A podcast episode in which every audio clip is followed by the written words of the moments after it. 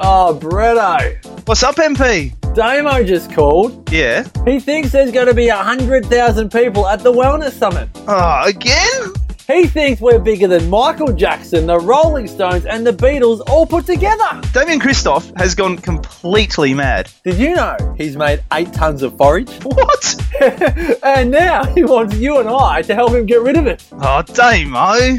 So, look, being the good friends that we are, we've asked him. You mean forced? Well, we've kind of twisted his arm to make him literally give his forage away to 100 lucky Wellness Summit attendees. So if you're ready to enroll for our signature two days of inspiration, education, and empowerment, And entertainment. what do you mean, MP? Well, Australian Idol winner Wes Carr makes his Wellness Summit debut this year, Bretto. Wes Carr, You'll be guilty. So if you're ready to be entertained, head on over to thewellnesssummit.com. And get four value bags of forage muesli or one bag each of paleo, muesli, bircher, and porridge when you register. Now, all you need to do is register for this two for one special, bring a buddy, bring a friend, bring a family member or a colleague, And then choose your forage selection, four muesli or four assorted, and get four bags per attendee. That's eight bags per double pass. That's almost 250 bucks of forage for free when you register for the Wellness Summit on August 25 26 at the Collingwood Town Hall in Melbourne. That's 150 serves of breakfast, almost six months of breakfast just for registering for the Wellness Summit. Well, it's first in, best dressed. These 100 tickets are only available until June 18 or until sold out. All the details of this special offer, all the topics, featured speakers, and more are over at thewellnesssummit.com. Thanks for making eight tons of forage, Damo.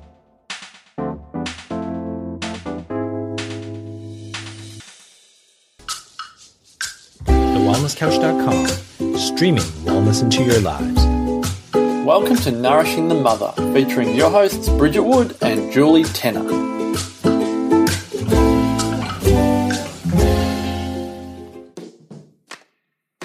Before we get started today, I'd love to introduce you to our new podcast sponsor, which is Fire Tonic.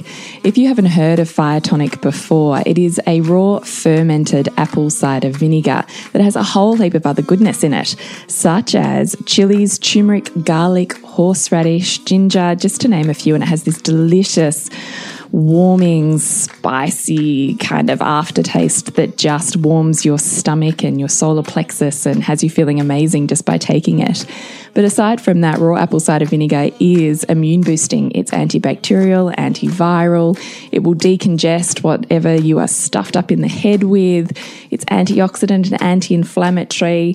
It's also the best digestive booster. Apple cider vinegar is the same pH as our natural secretions and also stimulates those natural secretion. So if you're feeling a bit low in your digestive system, if you've got a bit of a sore throat or feel something coming on, it's great. I've used this before just to knock something on its head, like a sore throat or a virus that's gone through the rest of my family. And for me, I've just kept up with the fire tonic little shots, which I absolutely love anyway, because I love a bit of spice.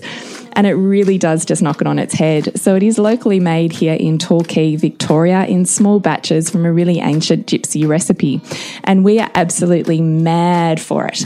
So if you also need a bit of a boost this winter that you can take that is delicious, digestive, and immune boosting, then please jump on to Hilbilby, H I L B I L B Y dot com dot au and check them out.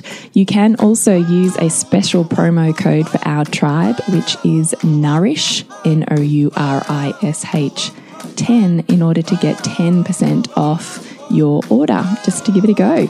Bridget and I use it, it's on our counter all the time. So head on over to hilbilby.com.au forward slash discount forward slash nourish 10 to get your 10% off and start loving on some fire tonic. Hello and welcome to Nourishing the Mother. I'm Bridget Wood. And I'm Julie Tenner. And today's podcast is If You're Triggered, Are They Your Tribe? So we are looking to really seek to answer that question and balance your perceptions and hopefully distill a little bit of wisdom in the process. Before we get there, we'd love to remind you to jump onto nourishingthemother.com.au and sign up to join our tribe on the front page with your email address where once a week, although Or maybe This week. every couple of weeks. we'll send you an email that has links to everything we've put out in the world and you can pick and choose and click away where you'd love to dive a little deeper. So if you would like a little bit of extra wisdom through your week, then jump on to nourishingthemother.com.au and sign up to join the tribe. Yes. So, this topic I think is just so relevant for so many mothers who are on this intentional mothering journey, perhaps with a defined set of values around family and mm-hmm. health and perhaps community connection.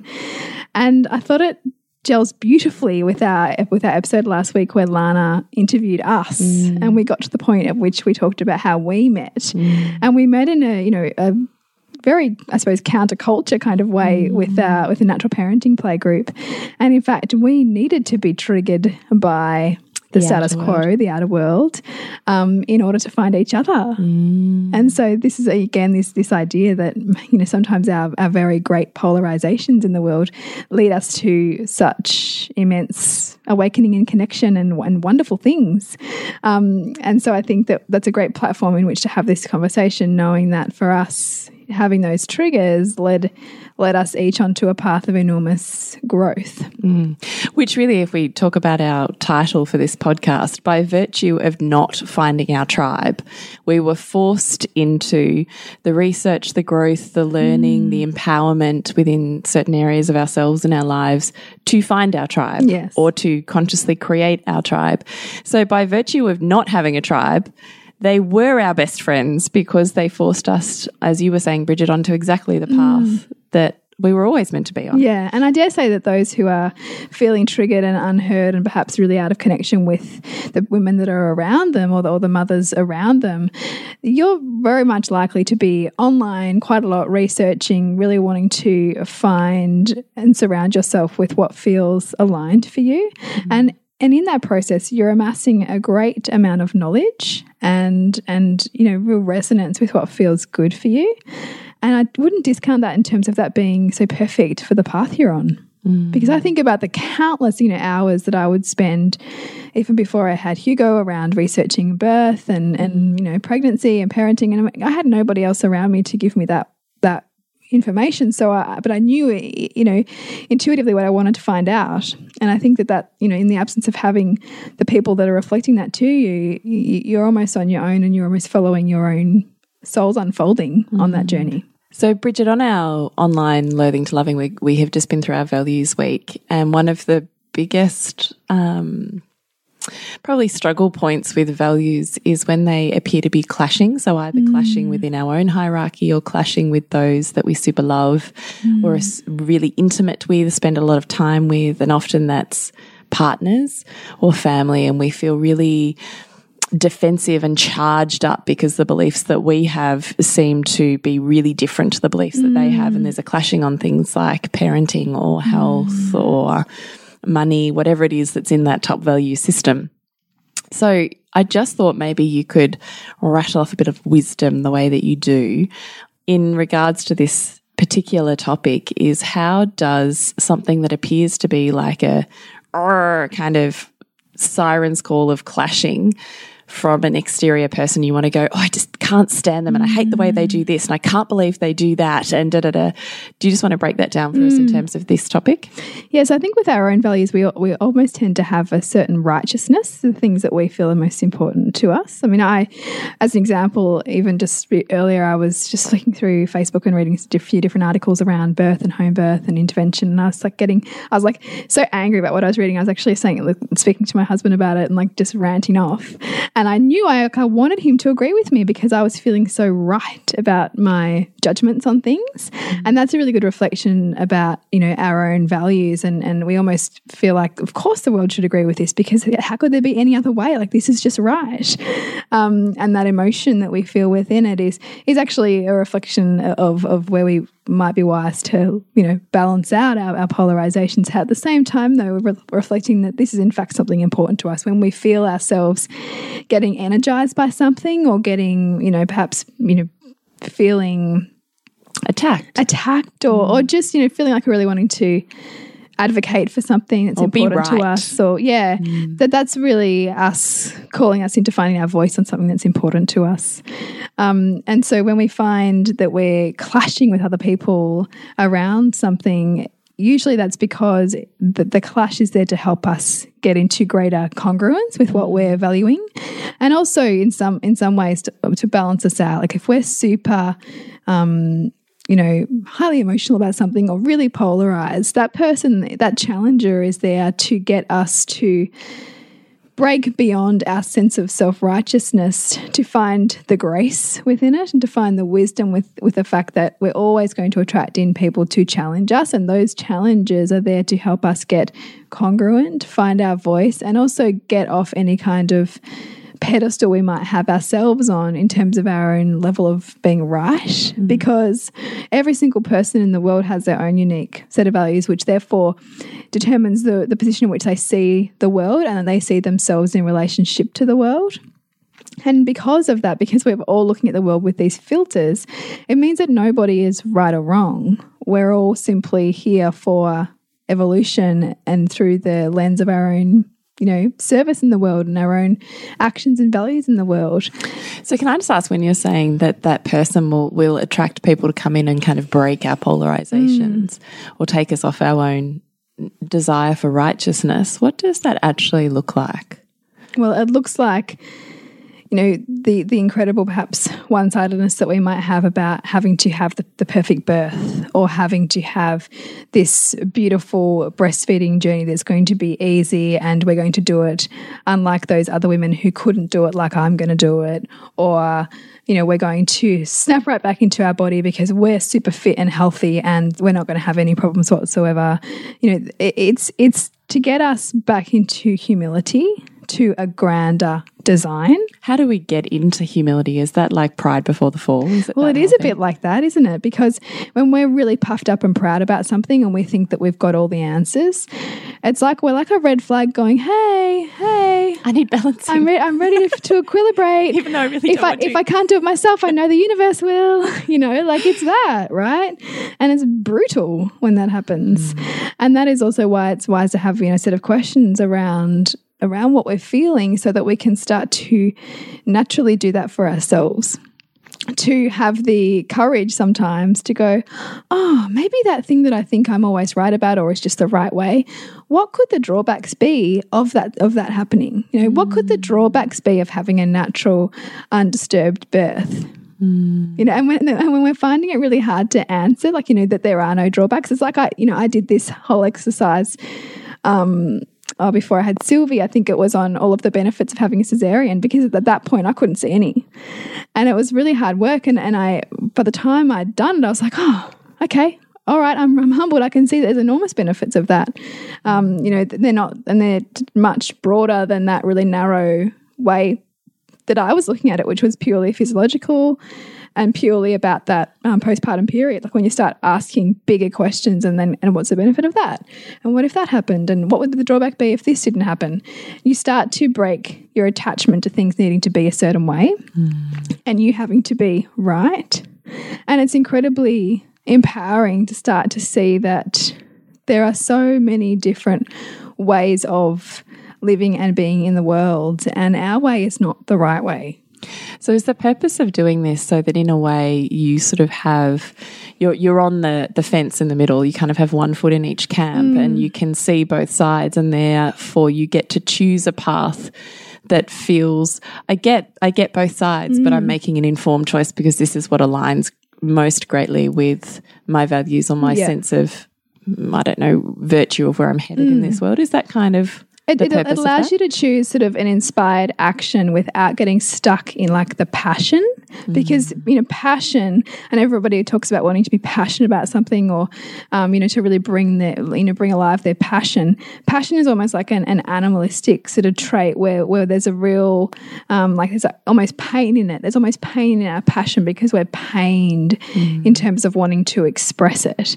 Whereas inspired action almost comes from a, a state of more of our angelic self which sort of knows that the world the world's going to be the way the world is, but we want to bring our own imprint on it that's from something deep within us that's seeking to to be heard and not in a way that's judging others, but simply um, our, our, kind of corner of the world that we want to change, mm. you know, or or impart wisdom on. Mm. So it's not to say, oh, you know, everything's always in balance, so what's the point? Or it doesn't matter which way it goes because either side's fine. It's not about that. That's indifference.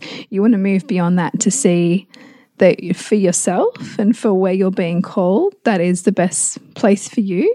Um, but also recognizing that that even if what you wanted to happen didn't eventuate and you had some other experience or some other um, you know set of values perhaps that you would still be okay and that you would find wisdom in those too How do you know if you're in an inspiration type flow or if you are in the indifference, eh, wait and see? listen to your body so your body is such an incredible communicator of that. You know we, when we're really in deep inspiration we feel vital. We have this sense of energy that comes from sometimes nowhere. Like we could be really tired and then we start to talk about a topic and we we wake up. And we've just got this you know wellspring of of power and and wisdom. And and that's when we know that that there's an inspired place within us. Whereas if we're almost in you know pained by wanting to communicate what we're communicating or we're feeling really lethargic in our bodies or it just feels heavy. It, it might still be something that's important to us but there might be a lot of um, stuck energy around it like that we might be still working through a lot of our own heaviness and s- stuffiness around a topic. You know, even um, i was talking with my sis two of my sister-in-laws who've had babies in the past year um, just yesterday and as i was listening to their their perspectives on their birth stories and their perspectives on early parenting, I could feel like lots of energy in my womb and in my heart. And and I just was just checking in with it as I was listening to their stories and really trying Like to like a listen. bristling energy?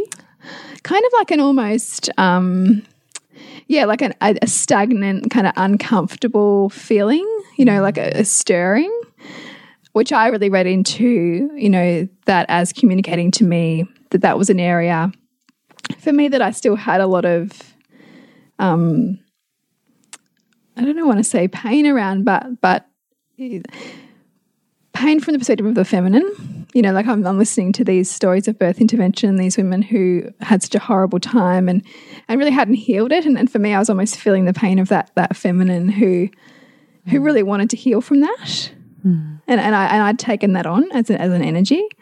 And so that that was communicating to me that I know that that's still an area of enormous, um, you know, exploration Importance. and for importance for me to really help women see how much power they have and and how how we're in a system that's not set up to to awaken them to that power.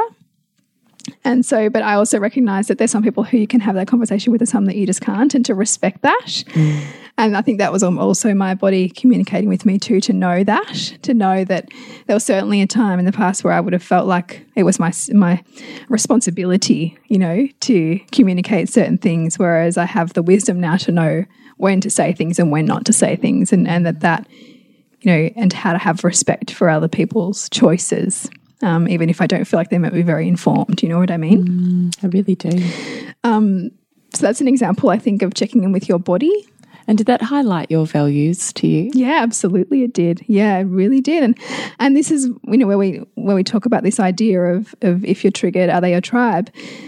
Sometimes them not being your tribe is the perfect way to open up to who your tribe is going to be or to put you on the path to finding your tribe or to reflecting to you what's deeply important. To give you almost more furor. isn't it? Yeah, you know, we, we when we're, when we're challenged and when we don't agree with something and, and we feel like we must right or wrong, that's often where we find this incredible energy all of a sudden and, and we're inspired to go and make our mark to shine a different light.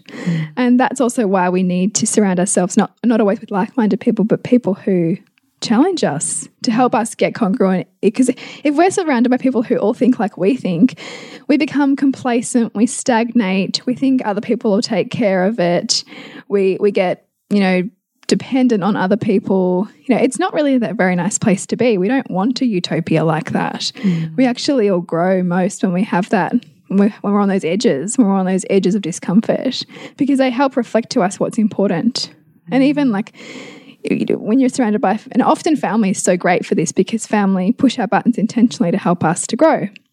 And so extended family do that, you know, and my husband and I often find ourselves reconnecting and checking in together on our values around parenting and raising our kids when we're around broader family.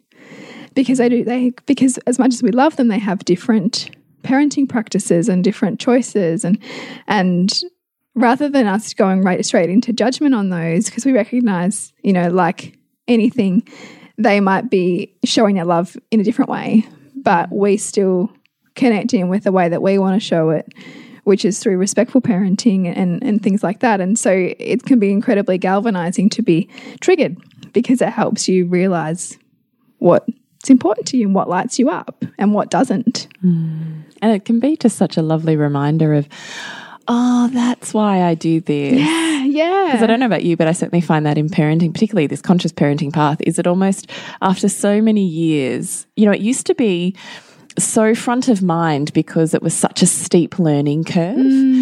Mm. and had so much shit to work out of my own stuff before I could get to this kind of peaceful place, so yeah, to speak. yeah Not that it ever is, right? Don't strive for peace. But anyway, Yeah. side note. And it becomes almost effortless that to some extent it becomes your way of being and you forget it's like mm. not seeing your genius, isn't yeah it? yeah absolutely And then you get rubbed up against these opportunities, these uh, people.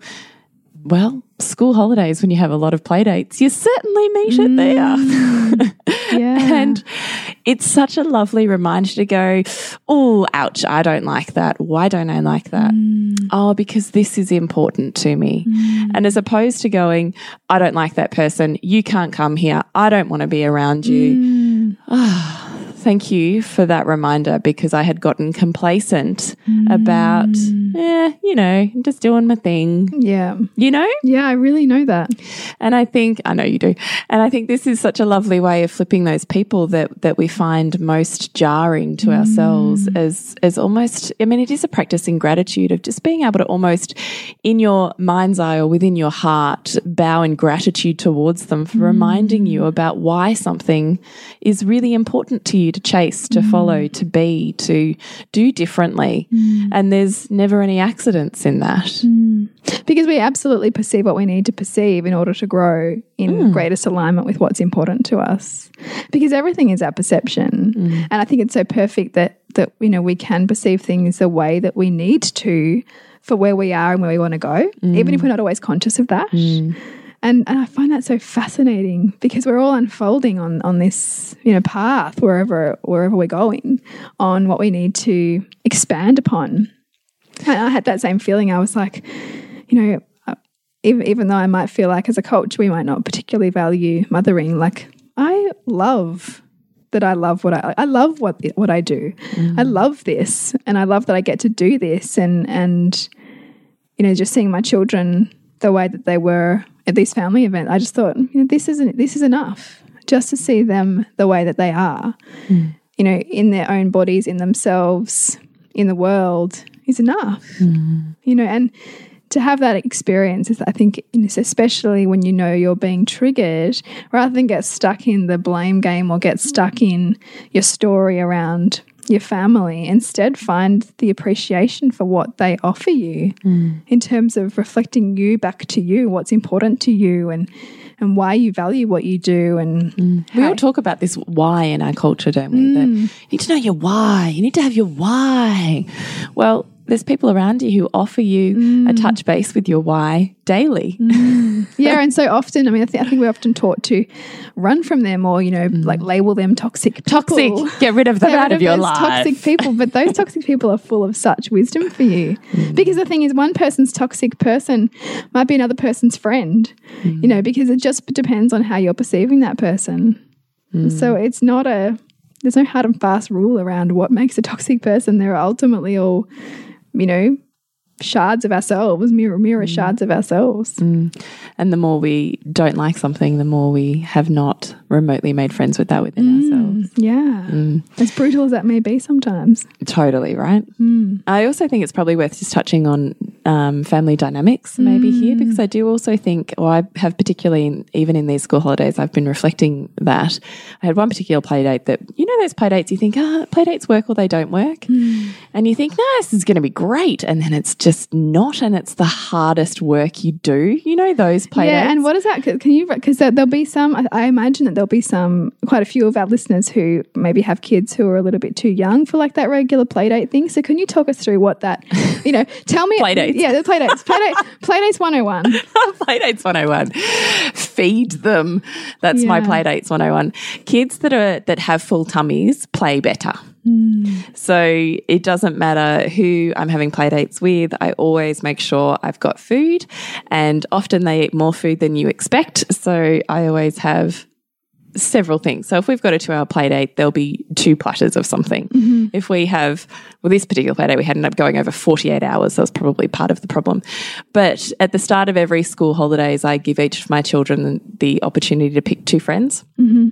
And so that's six kids. So they pick two friends each, and I organize, I make it a priority to organize with those parents catch ups mm-hmm. every school holidays. And um, with my older ones, that that's includes a sleepover. With my younger one, who's four, it's not a sleepover, but it's a play date. Mm-hmm. So they pick two friends each, and that's where my school holiday mapping starts. Yeah. So I lock in all the play dates a good two to six weeks before the school holidays mm-hmm. And then I build my school holidays around that. So that's how that works. Um, usually there's an activity. So either no different to kids that are really little, you start them off with an activity, and depending on what those dynamics are like, it'll depend on how I change. Some kids, those dynamics are just magic and they just play so beautifully that you don't even see them. They just potter around in their own little world and their bubble and they're just loving on each other. And it's mm-hmm. just like so symbiotic. I just feel like there's angels singing. and everybody's cup is filled and everyone's happy when they hmm. leave.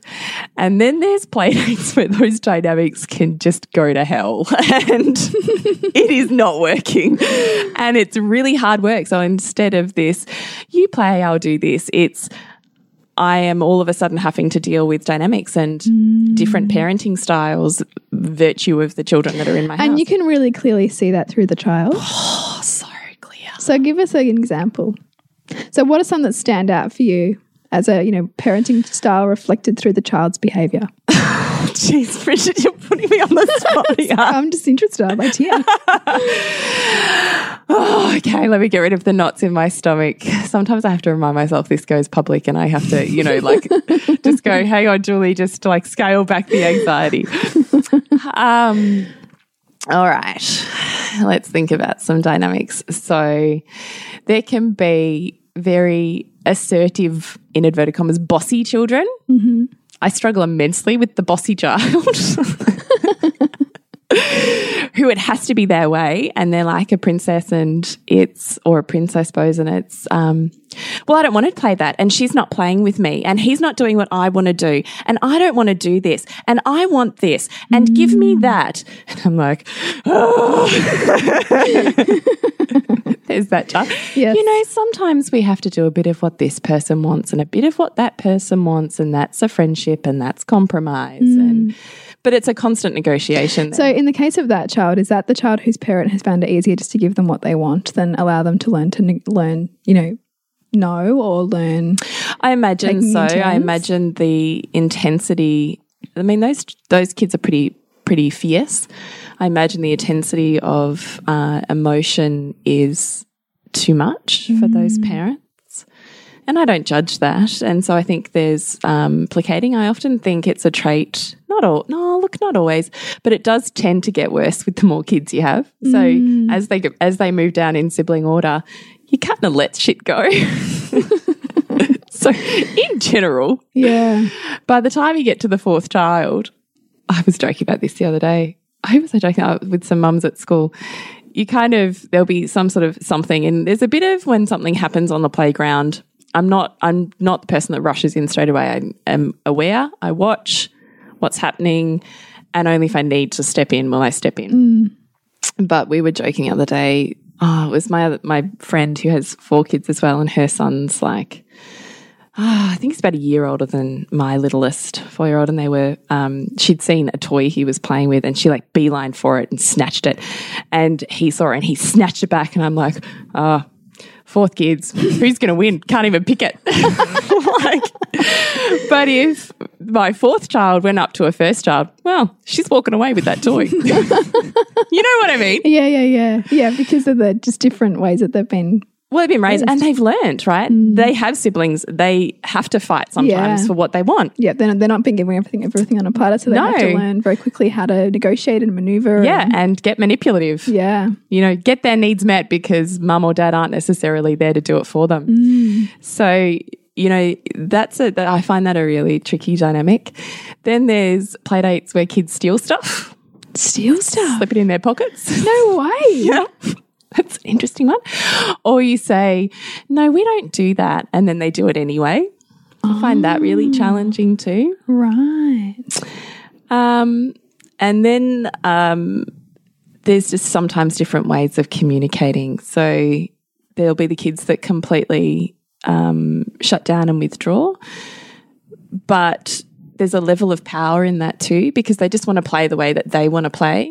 Mm. And it's easy to say, well, she's not doing what I want to do. Mm. So I'll just be quiet until she comes back. And, you know, in the meantime, it's just a schmozzle. And then there's play dates where, you know, kids are a bit obnoxious and then the other way around. So I do think there's a lot of wisdom in helping navigate your children's tribe. And I do think you have that level of influence as a parent, particularly as a mother who's engaged in the kinder or school community. So, how do you, in, in the case of your child wanting to play with someone who you very clearly don't want them to play with, or you know, you're just busy. just busy, perpetually busy? I just go, yeah, yeah, sure, we'll do that. hmm Yeah, yeah, we'll do that. If um, I have that situation at the moment, if it does get there, I'll organise a play date out somewhere. So we meet somewhere. I Yeah. think neutral territory usually works better than in a house for mm-hmm. those types of difficult dynamics. Mm-hmm. Um, and it'll be two hours. I know. I mean, I'm out. Yeah. There's always parents floating around, which I think makes that generally easier. Mm-hmm. But I also think kids can be infatuated with different children while they're learning something. Mm. So I'm also aware of, I don't necessarily have to facilitate the relationships I don't like or say no, because if I just kind of let it play out, they hmm. learn what they need to learn and they actually make those choices themselves. Because I always think it's so interesting who our children choose to become friends with. Mm. And, you know, therefore the parents we might be thrust together with and what we then have to maybe face in that parent. Mm. And also to trust if we're, if we're uncomfortable with it, how our child's going to navigate it without us having to jump in and control it. Like these are all things that I'm just entering, we know, with my son in prep. Um, and I find it really interesting. It's a whole different territory. Yeah. Yeah, it really is. So anyway, I had this one play date that was horrendous and the way that this child was speaking to um, so she was the third child was speaking to my third child which right in even in my head as i'm watching it play out i'm going she's you like it was like Oh, really? instantly true well because she's a third child right just Yeah. by virtue of whatever was irritating the girl I had for a play date about my third child mm. i just thought there, there must be a mirror there right Yeah, yeah, yeah.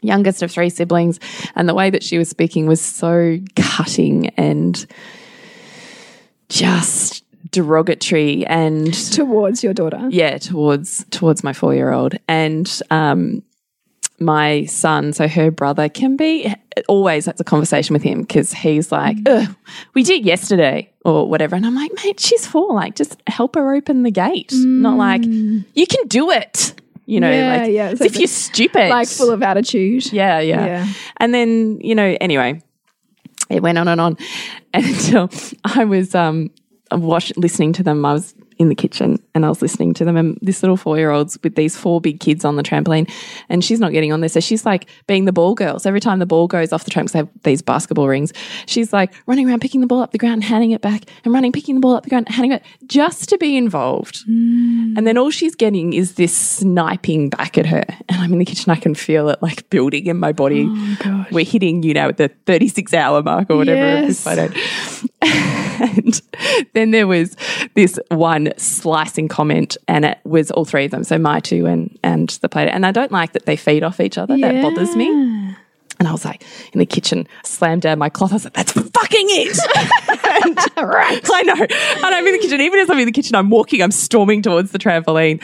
I'm in my head going, don't do it, Julie. You're triggered. You're triggered. Just calm Take a down. breath, take a breath. and I'm like, fuck that, I'm going. I like- and I got to the trampoline, took a breath at the trampoline because they all saw me like storm out.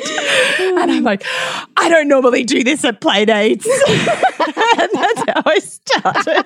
and the fourth time I was there is a really good friend's daughter, and I actually love her. She's gorgeous. And she had told her mum, and I saw her mum last night. She, Yeah, goes, okay, she told me that. She said, she said, she told me she'd never seen Julie do this. And then Julie said she's never done that. She's thought, I've got no idea what's happening next. So what did you say? I can't remember. It's like, I just reminded them how old she was, that they're three times her age. Hmm. Three times. And when they were four, none of them would be doing half the shit that she does or is expected to do at that age. Yes. Like, not even in the ballpark. and the fact that you have these buddies in prep who are so precious and she's littler than them, mm. you just need to get some perspective. Mm. And it is not okay the way that you are communicating. And I have had enough of it. Like, it was really clear. Mm. That style of communication is now stopping. I'm not, we're not doing that anymore. That is not how we roll in this house, you know, blah, blah, blah. That yeah, stuff. yeah, yeah. But I must have been pretty fierce because it was pretty much deadpan silence in my house from then on. Okay. The communication changed with my youngest because then, of course, in the play date, you're then dealing with, I'm dealing with then also the fallout Yeah. from my four year old. So it's like crazy intense dynamics. Mm. And I'd had enough. But it did make me realize post that event that, you know, my third child, Lola, whilst she was really difficult when she was younger, as she's gotten older, she's gotten super easy. She's easy to mm. ignore. Right. Like, if I'm honest about it. Yeah, yeah, yeah. She just goes with the flow. She has the least needs out of anybody. and that's always a red flag. Like, can that be a red flag? Like the one with the least needs? Because you're kind of like, do you skip over it But then a situation like this arises, right? Mm, to call you into? And I'm like, bang, she's in focus. yeah, right. You know? Yeah. So how perfect then? Yeah, right. So this is the whole point of this Yes. very long-winded story that we've Yes. gone off on.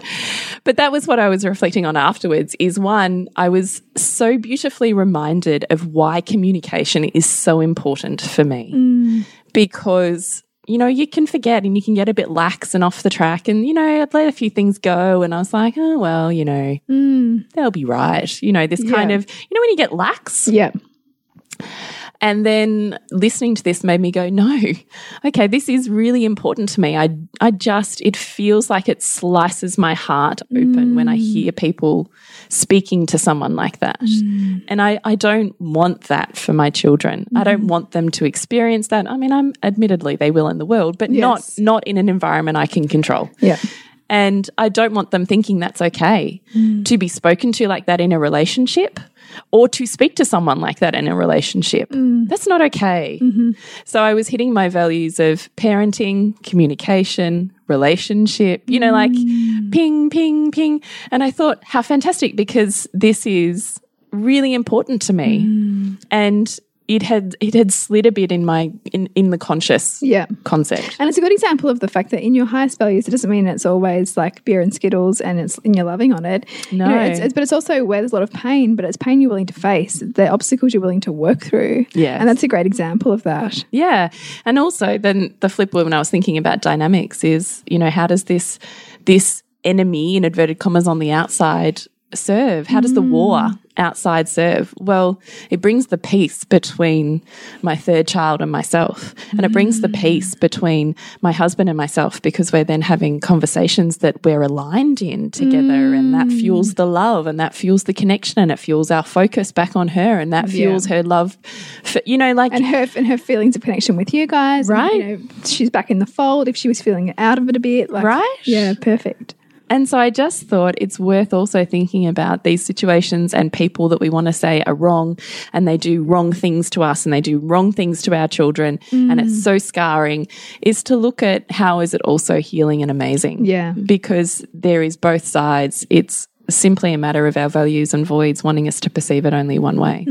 So in the end, you know, I'm uh, what am I a day away from when that play date ended and I'm actually like Well, that was kind of awesome because mm. I have just like cataclysmically learnt a whole heap in 24 hours, mm. brought back into focus things on my values that had started slipping. Mm-hmm. And if we have a play date again, which I'm not rushing back for, but if we did, I wonder by virtue of that if it would even present itself. Well, that's the thing. I mean, was it was it like again? what she sent to me as a gift anyway. That's right. You Yeah, know, and, yeah. and was it simply that you needed to perceive her that way in order to run in and kind of get uh, get aligned again with Lola? yeah, You know, and totally, and therefore, right? And therefore, if you're much more connected with Lola next time, is that even going to play out? Yeah. like that's what's so interesting. Yeah. Yeah. So maybe we'll have another play date. I don't know. But it is just really interesting. We're thinking about the tribe. Yeah, Right. and and so much that we you know we so desire people like us, right? Like we so desire to connect with like-minded people, Mm. Yeah. and yeah, yes, we need that because you know they're the- also the people that can help carry us forward. But at the same time, we we just as equally have to appreciate those that we might feel are not our tribe because they help us get into alignment again, and they help us break our polarizations a little bit and find the wisdom mm. at the same time as pursuing our path, which I think is ultimately what we what we all need to to find mm. is that sweet spot between those two things. Mm. When it comes to our sexuality, we want to look at the beliefs and the meanings that we've picked up as much as the ones that we've made up about our experiences. Loathing to Loving program, we look at relationships to our family, partner, children, and feminine self, and spend a module in Nourish and Nurture, deeply expanding that feminine wisdom. Our sensuality and sexuality course is the next dive exclusive to those who've taken part in the Loathing to Loving program. The reason for that is the theory and the tools that you gain from loathing to loving underpin the knowledge of the psychosexual story that we build upon in our sensual sexual deep dive. For $289, you can join us in our exclusive sensuality sexuality course or three payments of $97. We really want to walk you through loving your sexuality more than your sex life. To find out more and join us, go to nourishingthemother.com.au forward slash online programs. So I'd love to hear from you if you've also found this realization perhaps on your own journey mm. where the very people that trigger you are actually helping guide you. or even time. if by virtue of listening to this podcast, the very next play date or situation you have where you feel triggered, whether you're able to do the mental math almost in the mm. moment and see how it changes your perspective of this person or Yeah. situation. Yeah, it's a beautiful thing to do. So if you'd like to connect with us, it's nourishingthemother.com.au, Nourishing the Mother on Facebook and Instagram. And to connect with you, Jules, Is thepleasurenutritionist.com and Newbridge? suburbansandcastles.com. And don't forget, please, to rate us on iTunes if you can, or leave us a review on Facebook because we love those. Mm. Love to hear how the podcast is resonating with you.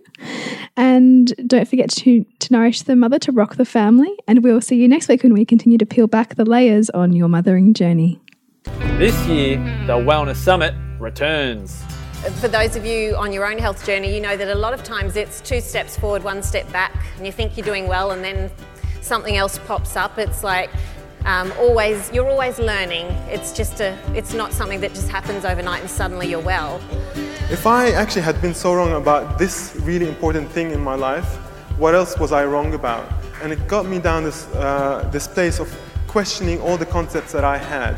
And then I came to one question, which was, who am I beyond concept? When I was a little kid, I really always had trouble with food intolerances. I realised that there was a lot to be said for the way you eat.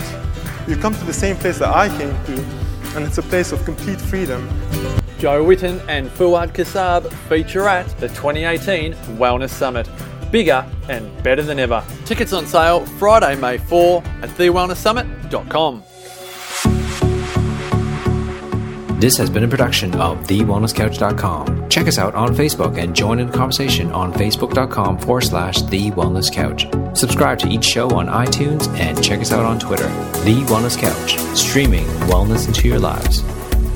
Whilst the Wellness Couch presenter endeavor to provide accurate and helpful information to their listeners, these podcasts cannot take into account individual circumstances and are not intended to be a substitute for health and medical advice from a qualified health professional. You should always seek the advice of a qualified health professional before acting on any of the information provided by any of the Wellness Couch podcasts.